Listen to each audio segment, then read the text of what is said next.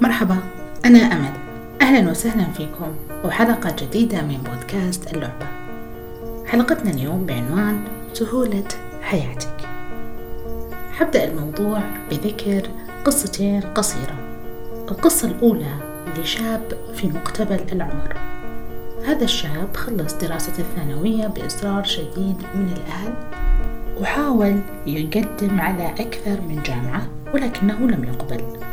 وبعد عدة محاولات قبل بمعهد ودرس فيه فترة قصيرة وما كمل وترك المعهد. بحجة أنه يريد أن يلتحق بسوق العمل. وفعلا تم له ما أراد والتحق بسوق العمل وتوظف في أحد المراكز التجارية بائع. فترة قصيرة أيضا وترك الوظيفة. الآن مسؤولة يضطهده فهو من جنسية أجنبية ولا تحب جنسيته على حد قوله. بحث عن عمل آخر ثم وجد والتحق به. وأيضا ما هي إلا أشهر قليلة ويقدم استقالته بحجة طول ساعات العمل عليه ومشقتها. وانتقل إلى عمل ثالث. ولم يكمل الشهر ثم تركه.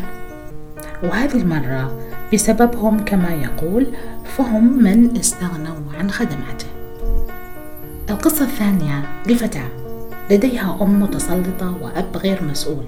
وضعها المادي صعب. علاقاتها في الغالب غير جيدة. كثيرة التوتر والقلق وغالبا ما تشعر بالظلم والقهر والدونية. تقدم شاب لخطبتها فوافقت عليه بسرعة لتخرج من دائرة أهلها النكدة. وكأنه طوق النجاة. وتم الزواج. وبعد فترة بسيطة اكتشفت هذه الفتاة أخلاقيات زوجها الغير جيدة فهو يضربها أحيانا ويشتمها أحيانا أخرى وينتقص من أهلها. بخيل. ولأن هذه الفتاة كانت تعتقد أن تغيير الأشخاص كفيل بتغيير الأحداث. أخرج من بيت أهلي الصعب وأتزوج حتى تتغير حياتي وتصبح جميلة. هذا الاعتقاد غير صحيح البتة. فلا شيء يتغير في الخارج حتى تغير ما في الداخل. أي داخلك معتقداتك أفكارك وجهة نظرك مع الآخرين وكيفية تعاملهم معك. ما يستفاد من القصتين.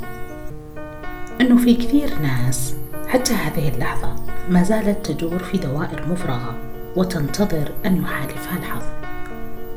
تعودت على الصعوبة والمشقة في الحياة. فأصبحت لا تبصر اليسر والسهولة. كل أمورهم معقدة يسعون سعي حثيث جدا لتغيير الخارج وبكل الوسائل وبشتى الطرق. ولا يعلمون أن هناك داخل واجب التغيير أولا وهو الطريق السهل واليسير. جعلني الله وإياكم دائما وأبدا من أصحاب الطريق السهل اليسير دمتم بود.